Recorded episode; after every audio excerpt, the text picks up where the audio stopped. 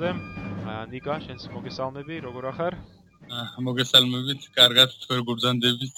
აა, ჩვენც არა გვიშავს, უკვე დრო ისე მალე გარბის, უკვე მესამე პოდკასტ ვაკეთებთ, ხო? ვამზადეთ, მე მგონი თუდად არ გამოგვდის, ყოველ შემთხვევაში მოხარული ვიქნები თუ მსმენელები მოგწერენ თავის შაბეჭდილებებს. ნამდვილად თანაც დღეს უკვე გადავდივართ იმ ეტაპზე, რომ ნაპოლეონის მოღვაწეობაზე ვიწყებთ უკვე საუბარს, ანუ არა მის თქვა ბავშვობის წლებზე, არა სწავლის წლებზე უკვე გავიარეთ ეს წინა პოდკასტებში, არამედ დღეს უკვე ვიწყებთ პერიოდზე, როდესაც უკვე საფრანგეთში საფუძველი მზადდება საფრანგეთის დიდი რევოლუციისა, რამაც ნაპოლეონის ცხოვრება სამუდამოდ შეცვალა შემდგომში და განვიხილავთ ამ წინა პერიოდს რევოლუციამდელს და იმ პერიოდს, როცა ნაპოლეონი უკვე რევოლუციის პირველ წლებში საფრანგეთსა და კორსიკაზე როგორ საქმიანობს და რა გეგმები აქვს მას რომ განახორციელოს. ძალიან კარგი. აა მაშ დავიწყოთ. დავიწყოთ. რევოლუციამდე ერთი წელი ადრე ერთი ფრიად საინტერესო შემთხვევა მოხდა, რომელიც შემდგომ მრავალი წლის განმავლობაში იზიდავდა და აუცებდა როგორც თანამედროვეებს, ასევე მკვლევარებსაც. 1798 წლის ერთ შვენიერ საღამოს ერთ-ერთმა თავადმა საზემო წვეულება გამართა და პარიზის რჩეული არისტოკრატია და საზოგადო მოღვაწეები მიიწვია. უზარმაზარ სადარბაზო ოთახში დედაქალაქის მთელი ელიტა შეიკრიბა, გაიშალა მდიდარი სუფრა, როგორც ეს წესი იყო, ხომ? გაისმა მუსიკა, დაიწყო ცეკვები, წვეულება ძალიან კარგად მიდიოდა, სტუმრები ცოტა შეზარხოშდნენ და აი ზუსტად იმ კონდიციამდე მივიდნენ, როდესაც ყველა ირგვლივ ყოფი კეთილი და სასიამოვნო გეჩვენება და მომავალი უღრუბლო და ნათელი, ხო? მე მგონი ჩვენ ყველას გაგვიცდია ეს ეს ეს შეგრძნება. და ყველანი მხიარულობდნენ, საუბრობდნენ, საერთოდ კარგ განწყობილებაზე იყვნენ და ყურადღების ცენტრში სწორედ თანამედროვეების საკითხები იყო, ლაპარაკობდნენ თანამედროვე ვითარებაზე, სვავდნენ ინტელექტის, ადამიანის გონების, განთავისუფლების ადგილზეულობებს და ასე შემდეგ. მაგრამ ამ ხიარულ საზოგადოებაში გამოირჩეოდა ერთი პიროვნება, რომელიც მთელი საღამოს განმავლობაში გაჩუმებული და ჩაფიქრებული ჯდარა. თვალები ნახევრად დახუჭული ჰქონდა, ტუჩები მოკუმული და მთელ მისახეს თითქოს რაღაცა სხვანაირი ელფერი დაკრავდაო შემდგომში აღწერენ ამ ამ ამ სუფრის დამსწრები. ეს იყო 70 წლის წერალი მისტიკოსი ჟაკ კაზოტი, რომელიც ამ წვეულებაზე ცოტა ისე თქვა შემთხვევით მოხდა და თითქოს და უხერხულად გრძნობდა თავს. თავიდან მას არავინ არ აქცევდა ყურადღებას, მაგრამ შემდეგ თანათაობით მის მოღუშულობას და ამ სიჩუმეს ყურადღება მიაქციეს და ვიღაცამ კითხა კიდეც მოხუცებულს ასეთ განწყობილების მიზეზის. რა იყო? კაზოტმა დაღლილი მზერა მიაპყრო ალბათ, მე წარმოვიდგენია რა რომ ზის იქ თავისთვის კუთხეში და ალბათ დაღლილმა შეხედა ამ კითხვის დამსმელს, მე გადაავლო ალბათ თვალი ირგვლივ ყოფთ. და ცხან მოკლედ უმილის შემდეგ წყნალი ხმით წარმოთქვა და ეს ჩვენ მე ხარ ასე აღწერ რამოდენმე თანამედროვეს და დამსწრის მემუარში არის აღწერილი. კაზოტი ამბობს: მე არ შემიძლია ოფსკრულის პირას ვიმხიარულო, სვა ღვინო და ქალებს ვეტრფიალო, მე ვხედავ მომავალს, საშინელ მომავალს. მე ვხედავ დაცარიებულ, გაპარტახებულ სასახლეებს და მამულებს. ირგვლივ ყველგან სიკვდილი და ქაოსი სუფევს. ჩემს წინ უამრავი ადამიანის გვამიყრია, ზოგიერთი ჩემთვის ნაცნობიც კი არის. დიახ, ნაცნობი, რადგან მათ შორის ბევრი ის ადამიანია, რომელიც ახლა აქ ჩემს გარშემო დგას და მისმენსო. ეხლა დავმედგენია შეზრო ცოტა კარგი. რომელიც რომელიც წლის ამბავია და 88 წლის ამბავია ეს. ანუ აქტობრივად რევოლუციამდე ცოტა ხნითაა. აი, დაახლოებით 1 წლით ცოტა 1 წელზე ცოტა ნაკლები, დიახ. რა წარმოგიდგენია შეზარხოშებული არისტოკრატები ვთქვა ხო ერთმანეთს გადახედეს საინტერესო საუბრის მოლოდინში კაზოც მიუახლოვდნენ მოხუცებულის გვერდით თურმე მждარა ერთ ცნობილი ფილოსოფოსი მარკიზი კონდორსე. და მას სიცილით უკითხავს კაზოტისაც კერძოდ ვის გულისხმობ ამ ნაცნობებშიო? კაზოტმა შეავლო თვალი ეგ ყოფებს და მე პასუხა. პირველ რიგში თქვენ მარკიზო თქვენ სიცოცხლის თვითკლობები დაასრულებთ თავს მოიწამლებთ, რათა ჯალაც არ ჩაოვარდეთ ხელში და ეშაპოძე არ პოვოთ სამარცხინო აღსასრულიო. ვაჰ, მაგის მოკონდერცემ სიცილი ვერ შეიკავა და მიდგენია ესე. აა, მას დანარჩენი სტუმრებიც აყვნენ. მოხუცი მისტიკოსი კი აგრძელებდა საუბარს. ვანიწინას არ მეტყველა ასტრონომ ბაიეს, იურეს მალერბუას, კიდევ რამოდენიმე სტუმრის სტიკვდილი. თანდათანობით სტუმრების დამცინავი და ცოტა აგდებული დამოკიდებულება გაქრა და მისი ადგილი ცნობის მაყარეობამ დაიმკვიდრა. ყველანი კაზოტის გარშემო შეგროვდნენ და ერთმანეთის მიყოლებით კითხვებს უსვამდენო. ბატონო წინასწარმეტყველო, იმედი მაქვს სუსტისკესის წარმომადგენლებს მაინც დაინდობთო, იკითხა ერთ-ერთმა ქალმა, ჰერცოგინა გრამონმა. სუსტისკესიო, უპასუხა კაზოტმა ერთ-ერთი თანდასწრის მოგონებით. ჩემს მიერ დანახულ მომავალში სკეს არ აქვს მნიშვნელობა. თქვენც, ქალბატონო, სხვების მსგავსად გაშიშვლებული და ხელშეკრული დაასრულებ ეშაფოთეს სიცოცხლესო. თქვენ ალბათ იმის უფლებასაც არ მომცემთო, რომ სიკვდილის ახსარება მაინც თქვაო. არ ეშვებოდა ეს ჰერცოგინა. აა კაზოტი ცოტა ხნი დადუმდაო. შემდეგ მოულოდნელა წამოიჭრა ფეხზე და ხმამაღლა წარმოთქვა. უკანასკნელებს ჯარდებული, რომელსაც ახსარების თქმის უფლებას მისცემენ საფრანგეთის მეფე ლუდოვიკო მე-16 იქნებაო. ახლა წარმოვიდგენია ეს რა რეაქცია იქნებოდა, ხო? ოთახში ჩამოვარდნა სამარისებული სიჩუმე, ყველა გაოგნებულია ამ ამ გაგონილით, სიჩუმის ზარღვევას ვერ ვერ ბედავს და კაზოტი დგება. შეავლებს კიდევ ერთხელ თვალს ოთახს და წყნარად გადის ოთახიდან. ესე მთავრდება ეს აღწერა, ხო?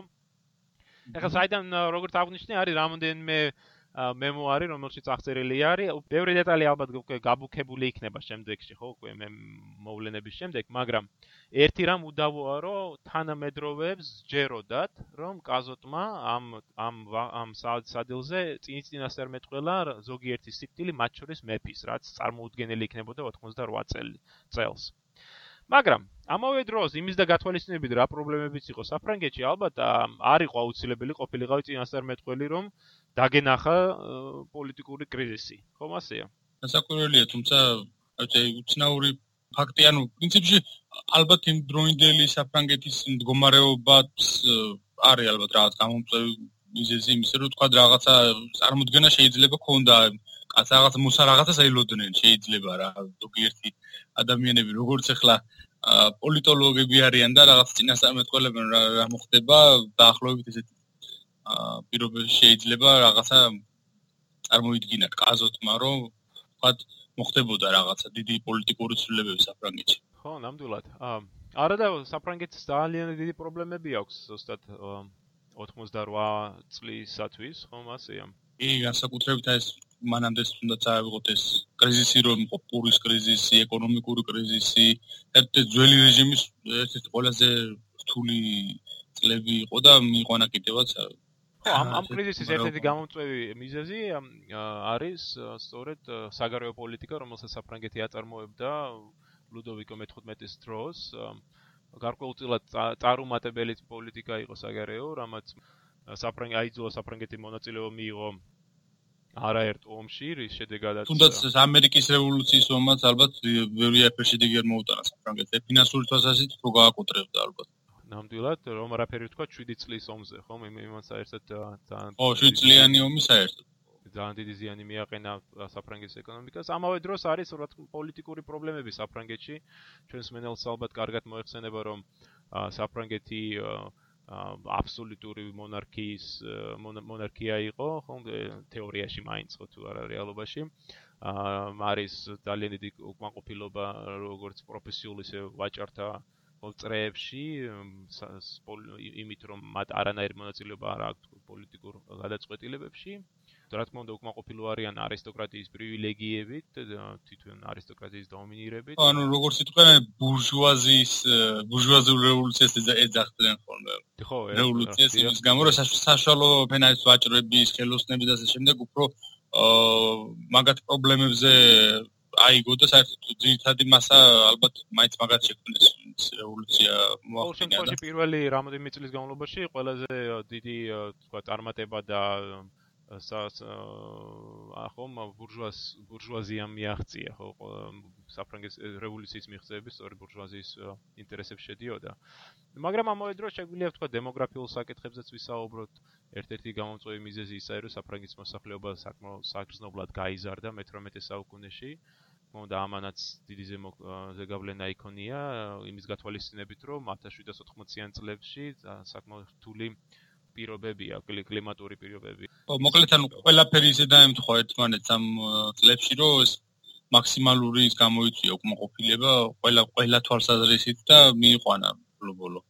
მეფეც და საფრანგეთის ამ მდგომარეობამდე როგორც ვთქვა. ხო, და როგორც ფრენელმა იცის, ხო, მაისში, 1799 წლის მაისში, 5 მაისს იხსნება გენერალური შტატების ყრილობა, რომელიც წარმოადგენდა ეს ეს შუა საუკუნეების გადმონაშთს საფრანგეთის საზოგადოება განაწილებული სამ წოდებად, ღვთელსახურები, ხომ, იყო არისტოკრატია და შემდეგ ეს მესამე წოდება. და ეს გენერალური შტატები სწორედ წარმოადგენდნენ ამ სამი წოდების წარმომადგენლების ყრილობას, შეკრებას. და ხუთ მაისს რომ გაიხსნა გენერალური შტატების შეხვედრა, მას მიზნად ჰქონდა რაღაცა შეზღუდული სახით რეფორმის ჩატარება, მაგრამ როგორც შემდგომში გაერკვა, არც არც პირველ და არც მეორე წოდებას არანაირი დაინტერესება არ თქვა არ ქონდა რამე საფუძვლიანი რეფორმის ჩატარების. რის შედეგი? ო, რა საკურველია, ბუნებრივია ეს პირველი და მეორე წე პრივილეგირებულები იყვნენ მაინც და შემოსავალიც ჰქონდათ და ეს მესამე წრე ისე ყავდათ დაჩაგრული რომ არ უნდა ნამდვილად ამეცვლება და ძირითადად აიმიტომ გადაწყდა ესე რომ ეს მესამე ფენა საფრანგეთისამ გადაწყვიტა საფრანგეთის ბედი შემდგომ იძულებული გახდა ასე ვთქვათ. ხო. 17 ივნის ხომ გამოაცხადეს თავის თავი ამ მესამე წოდებამ გამოაცხადა ნაციონალურ ასამბლეა თქო ან ეროვნულ კრებას. შეიძლება 90%-ზე მეტი იყვნენ საფრანგეთის მოსახლეობის და აა ხო, აბა რა, ну, ახლა მესამე თუ ჩავთვლით, თქვათ, გლეხობას და ეს ყველაფერს ერთად ხომ ესეა, მაგრამ გენერალურ შტატებში მესამე წოდების წარმომადგენლების უმეტესი ნაწილი სწორედ ბურჟუაზიის წარმომადგენლები იყვნენ, რაც რამაც განაპირობა, თქვათ, რევოლუციის შემდგომი სვლა. ამ ხალხს განათლებაც ჰქონდა, შესაძლებლობაც ჰქონდა იმისა, რომ ჩართულიყო თქვათ ამ პოლიტიკურ თამაშებში ასე ვთქვა და გადაეწყვიტა რაღაცა. აა მეფესთან და თქო თავდაზნაურობის წინააღმდეგ. ნუ გლეხები ასე თუ ისე მაინც ძირითადად სოფლებში ცხოვრობდნენ და გენერალურ შტატებზე საერთოდ მეფის წინააღმდეგ გამოსვლაზე და შემდეგ ნაკლებად იყო ამ რეგიონებში საუბარი და ძირითადად მაინც არიში იყრიდა თავს. ხო, თან მესამე წოდების მე როგორც მახსოვს, მხოლოდ ერთ ერთმა გლეხმა შეძლო გენერალურ სტატებში არჩევნების მოგება და მოხვედრა რა ამ ამ თქვა 1200 კაცი იყო. ой, ჩიჩი თქვა. კარგი, მოდი მაშინ კომაინც ნაპოლეონს დაუბრუნდეთ ხო? ჩვენი აქ ჩვენი ხო, ძირითადად ხო ეს მაინც საჭირო იყო ალბათ რომ საფრანგეთის რევოლუციაზეც რაღაც გითქვა. ხო, ზოგადად და მე ჩვენ უფრო განვარცხობთ, როცა თქვა ვისაუბრეთ ნაპოლეონის. ხო, ნაპოლეონიზე რა რა ხო, საფრანგეთის რევოლუციის წლებში თქვა ჩანს ისედაც რა ნაპოლეონის ცხოვრებაზე რა წარმოადგენდა საფრანგეთის დიდი რევოლუცია და როგორ მოქმედებდა ამ ადამიანთა ცხოვრებაზე. ჩვენ მე როგორც მახსოვს ჩვენ დავასრულეთ წინა პოდკასტი იმით რომ ნაპოლეონმა დაასრულა პარიზის სამხედრო სკოლა და უკვე ემზადებოდა დასასრულად ვალანსეში ხომ? ეს არის 85 წლის სექტემბერი ოქტომბერი. ა ნაპოლეონმა სწორედ მიიღო უფროსი ლეიტენანტის წოდება და გაიგზავნა სამხრეთ აღმოსავლეთ საფრანგეთის ისტორიულ პროვინციის დოფინეს პატარა ქალაქ ვალანსის გარნიზონში, რომელსაც артиლერიის პოლკი დელაფერი შეადგენდა. ნაპოლეონი ამ პოლკის პირველი ბატალიონის მეხუთე ბრიგადის ბომბარდირთა ოცეულში ჩაირიცხა. როგორც კი მიიღო ბრძანება, სათუ სად იყო ჩარიცხული, ის უმალვე გაემგზავრა პარიზიდან. მაგრამ სანამ დავტოვებდი თქვა პარიზის სამხედრო სკოლას, ერთი რამ არის აღსანიშნავი, რომ ამ სასწავლებელში სწავლის პერიოდში ნაპოლეონი დიდად ვერავის დაუახლოვდა. თითქოს საერთო ენა ვერავისთან გამონახა. ნაპოლეონის ბიოგრაფიის კვლევარები აღნიშნავდნენ, რომ ნაპოლეონის სარდალთა ბრწყინვალე ამ პლეადაში რაც მას ყავდა, მის გარშემო მყოფ საზოგადოებაში თითქმის არ იყვნენ მისი თანაკურსელები და თანასკოლელები პარიზიდან. გარკვეულ ალბათ ესეც უნდა ყოფილიყო, რადგან აქ პარიზში სწავლის დროს მან საერთო ენა ვერ გამონახა თავის თანაკლასელების უმეტეს ნაწილთან. და აღსკარაა რომ ნაპოლეონსა და მის თანაკლასელებს შორის განსხვავებული ინტერესები და მიზნებია. ნაპოლეონის ბიოგრაფიის დიდი მკვლევარი ფრედერიკ მასონი წერდა შემდგომში რომ ყველაფერი ეს კვეთრად გამოჩნდა მას შემდეგ რაც რევოლუციის დაწყებისას ნაპოლეონი თითქმის ნაპოლეონის თითქმის ყველა თანაკლასელი ემიგრაციაში წავიდა და ახლად შექმნილ რევოლუციურ თავრობას წინააღმდეგ დაიწყო ბრძოლა. მასონი განსაკუთრებით აღნიშნავს პარიზის სკოლის ორ მოსწავლეს შორის არსებულ მტრობას, ხო, ნაპოლეონსა და ლუი ედმონ ანტუან ლეპიკარ დე ფილიპოს შორის. ფილიპო წარმოშობით იყო ვანდეიდან, ესე წარჩინებული გვარიდან, რა თქმა უნდა. მამამისი ეს გადამკვდარი მონარქისტი იყო, რა ბუნებრივია მის შვილი. ო, ნუ ვანდია ძირითადად მონარქისტული იყო გაშენილი ამ პროპაგანდით და მე საფრანგეთის რევოლუციის წლებშიც მეფის მეფის მომხრედ ჩებოდა პრინციპში და არცეთ გენერალს არ უნდა და არც ნაპოლეონის მაგათთან საბრძოლველად. ხო და ეს ფილიპო, როცა ნაპოლეონმა გაიცნო ფილიპო პარიზში სწავლის დროს, ეს ფილიპო უფროსი იყო ნაპოლეონზე, ამანაც არ შეუწყო ხელი რა თქმა უნდა ურთიერთობას.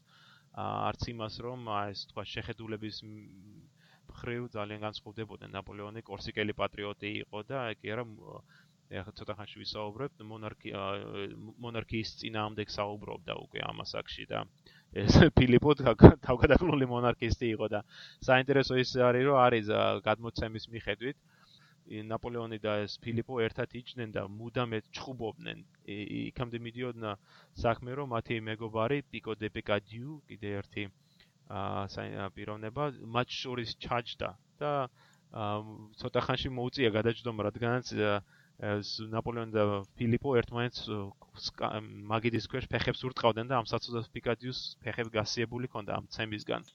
ერთ-ერთი თანკლასელი რომელთანაც მას რამე ურთიერთობა რომელთანაც მან შეინარჩუნა ურთიერთობა იყო დემაზი, ესეთი პიროვნება, მასთან მართლა იმეგობრებს ცხოვრების ბოლომდე. და სწორედ დემაზისთან ერთად ნაპოლეონი ოქტომბერში, ოქტომბრის დასაწყისში დაიძრა პარიზიდან ვალენს ვალენსეში. როგორც ვიცით, ამ ახალგაზრდა ბიჭებს რა ხო ესენ 16 წლის არიან თან გაყვა ერთ-ერთი ოფიცერი და ამ ოფიცერის ხელშეწყობით ჯერ ქალაქ შალონში ჩავიდნენ მე იქ ნავი იმგზავრეს ლიონში და ლიონიდან რონის მდინარეს გაყოლებით ჩავიდნენ ვალენსეში და ესე ნელ-ნელა არხეინად მიყვებოდნენ ამ ამ მდინარეს ყველა შორის დღესაც შეგიძლია ამ სე ნავით იმოგზაურო საარტილერიო პოლკი დელაფერი ძალიან მნიშვნელოვანი პოლკი არის საერთოდ საფრანგეთის ჯარში ამ დროისათვის. ერთ-ერთი საუკეთესო საარტილერიო ქვედანაყოფი არის და მასში მოხვიდა საკმაოდ პრესტიჟულად ითვლებოდა, ანუ ელიტარულ ქვედანაყოფად ითვლებოდა. და ნაპოლეონი იწყებს აქ მსახურობას. მაგრამ პრობლემა ის არის, რომ აი იგივე პრობლემა ხდება მას აქ, რაც სკოლის დროსაც ქონდა, ეს არის უსახსრობა. საკმა ხელფას კი უხდიან, მაგრამ საკმარისი არ არის ნორმალური ცხოვრებისათვის, მით უმეტეს თუ გავითვალისწინებთ იმას, რომ ნაპოლეონი ხელფასის დიდ ნაწილს აგზავნიდა კორსიკაზე, დედამისის და თავისი დაწმის თვის დასახმარებლად. ვიცით რომ უჭირს ამ ამ პერიოდში ეს 86-7 წელი საკმაოდ უჭირს. მართალია მალე თვითონ ლეიტენანტის ლეიტენანტის წოდებასაც გამოკრავს 86 წლის იანვარში, მაგრამ ამ ახალ ცოტა გაზრდილ ხელფასაც არ ქონდა. ხელფასიც კი არ იყო საკმარისი. ვან ძველი რეჟიმის დროს განსაკუთრებით დაბალი ხელფასები იყო საფრანგეთის ხო წერილებში თუ გადავხედავ ნაპოლეონის წერილებში დავინახავთ რომ ის დღეში ერთხელ მიდის პატარა დუქანში ტყუა ბიჟონ სამტრედი იქ დაждდება ხოლმე და როგორც თვითონ აღწერს წერილში, პურის მცირე ნაჭირს და ან ჭიქა წყალს და განსაკუთრებულ დღეებში კი ჭიქარძეს სვავს თელი დღის განმავლობაში. ეგ არის მისი საჭმელი. რაიმე გართობაზე ხომ ლაპარაკი ზედმეტი არის. უბრალოდ ამის საშუალება არ აქვს. ნაპოლეონის ცხოვრების ამ წლებში თვალში გვეცემა თუ გადავავლებ მას ერთი ერთი თვისება, ძალიან მნიშვნელოვანი თვისება, ეს არის ვნებათა სურვილთა სრული დამორჩილება ნებისყოფისა და გონებისადმი. ნაპოლეონი ნახევრად შიერია, ხო, გაურბის საზოგადოებას, არ ხვდება არანაირ ქალს, ან ვინმე მეგობარს, მაგრამ თან ღარიბულად აცვია, ხო, ამის ამაზე არაერთხელ წუწუნებს თავის წერილებში და ამის გამო უარს ამბობს ყოველგვარ გართობას და მუშაობს. მუშაობს დაუღალავად, დაუშეუჩერებლად. შემდგომში უკვე რამდენი წლის შემდეგ ის აღნიშნავს ერთ-ერთ წერილში და ძალიან საინტერესო ციტატა აქვს, რომელიც მინდა მოვიყვანო. ის აღნიშნავს ამას, რომ თუ ზოგჯერ გეჩვენება თითქოს და მე ყველაფრისათვის ვარ მზად, ეს აიხსნება მხოლოდ და მხოლოდ იმით, რომ რაიმე საქმის განხორციელების წინ მე დიდხანს ვფიქრობ, ვაანალიზებ წინასწარ ჭრეთ მოვლენათა შესაძლო განვითარებას, მხოლოდ ამ დაუღალავი შრომის წყალობით და არა რაიმე ზებუნებრივი ძალის მეშვეობით, ხშირად ხვებისთვის მოულოდნელ ვითარებაში მე ვიცი, თუ როგორ მოვიქცე და რა ვილაპარაკო და რა გავაკეთო. მე მუდამ მუშაობ. მუშაობ საუზმის წინ, საუზმის შემდეგ, დასვენებისას თუ თეატრში ყოფნის დროს, ყველგან და ყოველთვის მუშაობ. აი, სწორედ ეს არის ალბათ მისი მისი წარმატების ერთ-ერთი მნიშვნელოვანი ფაქტორი. ის კი არა რომ ის გენიალური ნიჭის პატრონი იყო. რა თქმა უნდა, შეიძლება მაზეც ვისაუბრებ შემდგომში. თვითონ ყოველ შემთხვევაში დაცინვით უდგებოდა ამ საქმეს და ირონიით საუბრობდა თავის ნიჭზე. მაგრამ ის ყოველთვის დიდი სერიოზულობით მოიხსენიებდა თავის შრომის უნარიანობას და დიდად ამაყობდა ამით. ვიცით რომ სამსახურის შემდეგ ამ სამ პოლკში ყოფნის შემდეგ ხომ რობრუნდებოდა სახში თელ თავისუფალ დროს ნაპოლეონის ციგნების კითხვას ანდომებს. მის სახთან ახლოს იყო ერთ-ერთი ციგნების გამყიდველის მისი ორელი ბუკინისტური მაღაზია და მთელ თავისუფალ დროს ნაპოლეონი სწორედ იმ ციგნების კითხვაში ატარებს, რომელსაც ორელი, ეს ციგნების მაღაზიის პატრონი, მას აძლევს უფასოდ, სხვა შორის. დანიშვიათია, რომ ნაპოლეონი ყიდულობდა ციგნს, იმიტომ რომ ფული არ ჰქონდა. რას კითხულობს, ხო ვთქვათ, ალბათ დაინტერესებს მსმენელს თუ რას კითხულობს ამ დროს. ვიცით რომ განსაკუთრებით რამოდენიმე ნაწარმოები უყვარდა ამ პერიოდში, მათ შორის არის პლუტარქეს გამორჩეულ ბერძენთა და რომაელთა ბიოგრაფიები. სწორედ ამ წიგნი დაუახლოვდა ნაპოლეონი თავის საათაყვანებელ გმირებს, თუნდაც ალექსანდრე მაკედონელს, იულიუს კეისარს. ასევე კითხულობს ძალიან ფართო არეალის, ვთქვა, წიგნებს. კითხულობს როგორც პლატონის რესპუბლიკას, ასევე ათენის, სპარტის, სპარსეთის კანონებს, ინგლისის ისტორიას, ფრიდრიხ დიდის ლაშქრობათა ისტორიას, საფრანგეთის ეკონომიკას, მონღოლების და თურქების წარმომავლობას, მათი ქვეყნების ტოპოგრაფიას და ისტორიას, ძველი ეგვიპტის და კართაგენის ისტორიას, ინდოეთის აღწერილობას, ინგლისელთა ანგარიშებს საფრანგეთის თანამედროვე მდგომარეობის შესახებ, შვეიცარიის ისტორიას და კანონმდებლობას, ჩინეთის, ინდოეთის და ინკების სახელმწიფოთა ისტორიას, ასტრონომიას, გეოლოგიას, მეტეოროლოგიას, მოსახლეობის გაზდის კანონზომიერებებს, სიკვდილიანობის სტატისტიკის სტატისტიკას და ასე შემდეგ. ეს ყველაფერი ჩვენ ვიცით, იმიტომ რომ მას აქვს შემორჩენილია არა მარტო წერილები, არამედ სიები იმ ციგნების, რაც მან წაიკითხა და ასევე წერილები ციგნების გამყიდულებთან, როდესაც ის კონკრეტულად სწხოვს ამ ამ ამ ციგნებს. ეს მცირე ჩამონათვალია სხვა შორის და მაგრამ ეს ჩამონათვალიც ალბათ ნათლად მეტყველებს ნაპოლეონის შრომის მოყარეობაზე, მონდომებაზე, ასევე მის სურვილზე გაეცნოს რაც შეიძლება ფართო არეალის ინფორმაციას, ხომ? ამდენი ციგნების კითხვის შემდეგ ალბათ აი იმ ქონდა მას სათანადო ცოდნა ფრანგულიც ალბათ კიდევ უფრო გაიუმჯობესა შედარებით ადრეულ პერიოდთან და უკვე იწყებს რა პატარ-პატარა ნაწარმოებების შექმნას, სხვადასხვა რომანებიც აქვს დაწერილი ნაპოლეონს თუნდაც აი აღმოსავლურის ზღაპრის მოტივებზე შექმნილი აქვს წინასწარმეტყველის ნიღაბი, ასეთი ნაწარმოები, ასევე კორსიკული რომანი, ასეთი ციგნის დაწერა ყოფნის პერიოდში. თოშოს ფილოსოფიური ნარკვევებიც ქონდა ნაპოლეონს ყველაზე ცნობილია ფიქრები თვითკვლელობაზე საერთოდ ეს თვითკვლელობაზე ფიქრები ნაპოლეონის არცისე ვთქვათ, უცხო იყო, იმიტომ რომ პერიოდში, როდესაც ესეთი ღარიბულად ცხოვრობდა და ასეთ ძიმე პირობებში იყო, ალბათ ხშირად უფიქრია კიდევაც ამაზე მას შემდეგ, რაც მამამისი გარდაიცვალა განსაკუთრებით.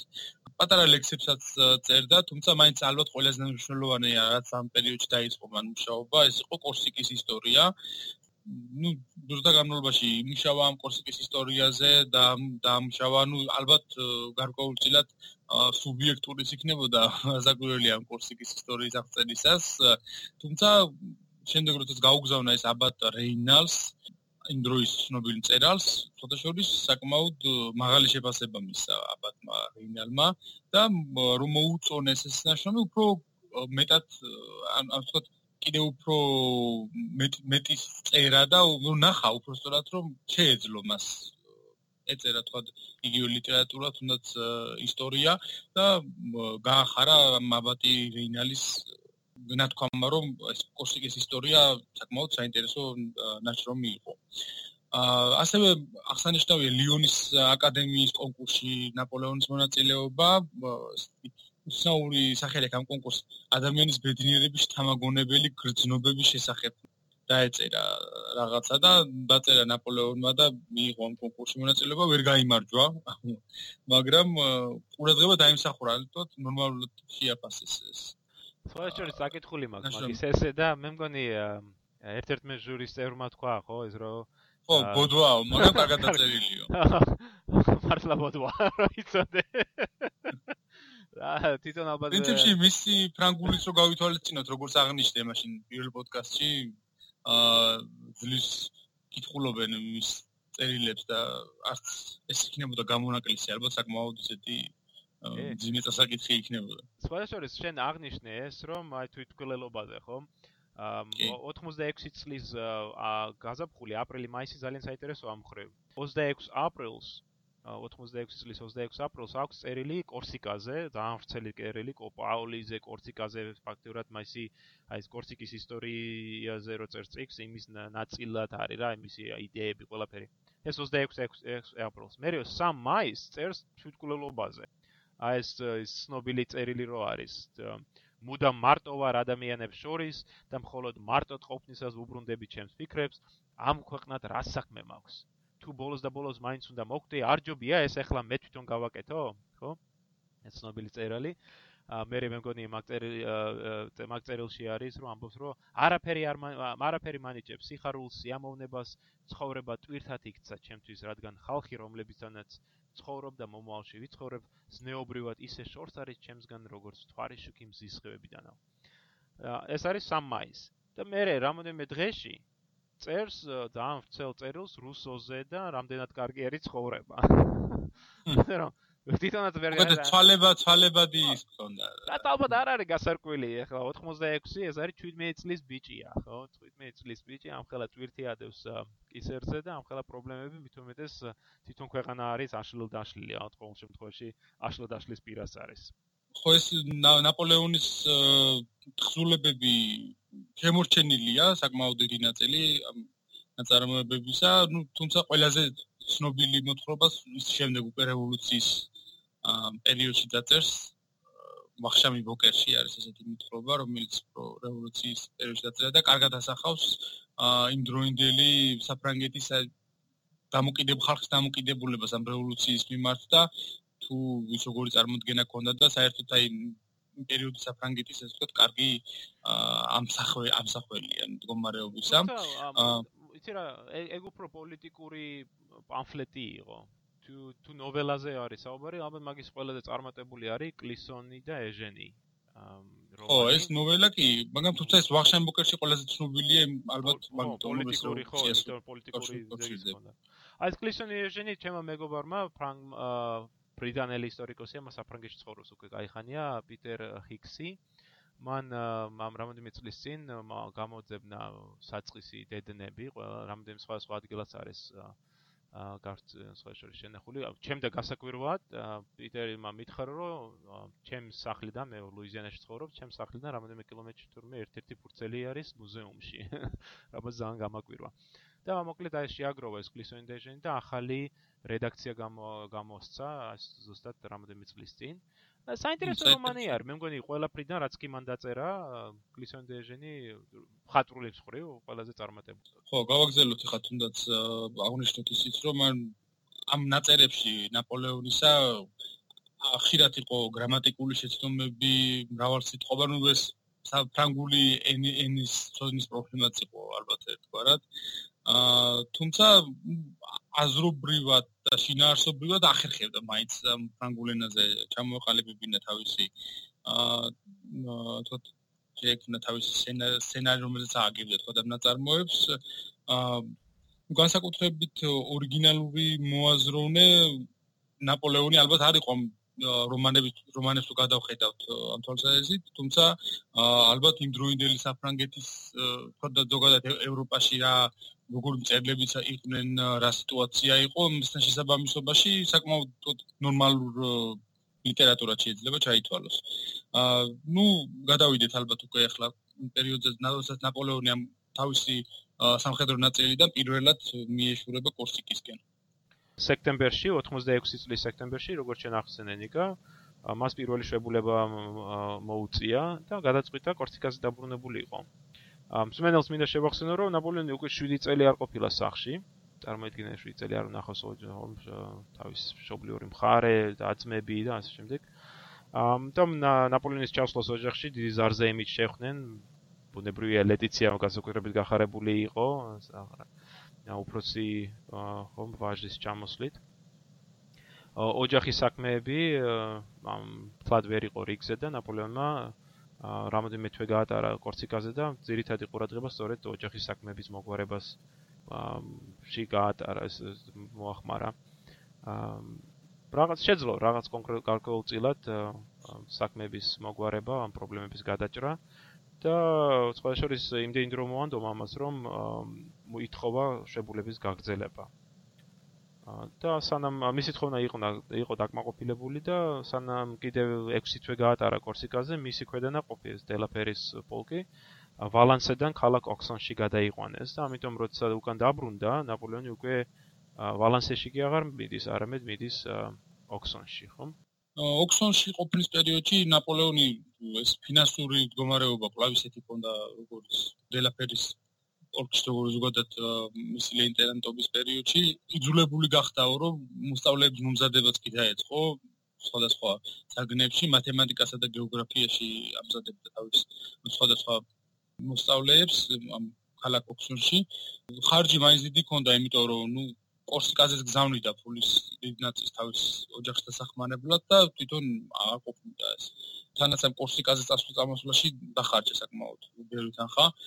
ნაპოლეონი კლავ თავისი კატაცება იყო როგორც რაც იყო თქოს მექანიკაში აგზელებდა მუშაობას და ნაშრომებიც შექმნა ამ პერიოდში ბალისტიკის დარგში ბალისტიკა განსაკუთრებით ნაპოლეონი დაინტერესებული იყო, იმიტომ რომ არტილერისტებისთვის ეს თავარი მეცნიერება იყო და ეს განსაზღვრავდა ხუმბარების ხოსნის პრინციპებს სად артиლერიის თავარი რაც იყო артиლერიისთვის თავარი დაწერა ვრცელი ტრაქტატი артиლერიის პრინციპები ძირითადად სამშობლოს გათავისუფლებაზე ფიქრობდა უკვლავო ისევ ამ პაოლიზე და თავის ოჯახზე ნუ ამ პერიოდში ჯერ კიდევ პაოლი რჩება ნაპოლეონის გმირად განსხვავებით უკვე იმ პერიოდსა გარდა კორსიკას პოვებს როგორც მისი ასევე თქვა მთელი ფრანგი ერის ცხოვრება ისე ჩასული თქო კორსიკელებისა თუ სხვა უცხოელებისა რომლებიც საფრანგეთში მოღვაწეობდნენ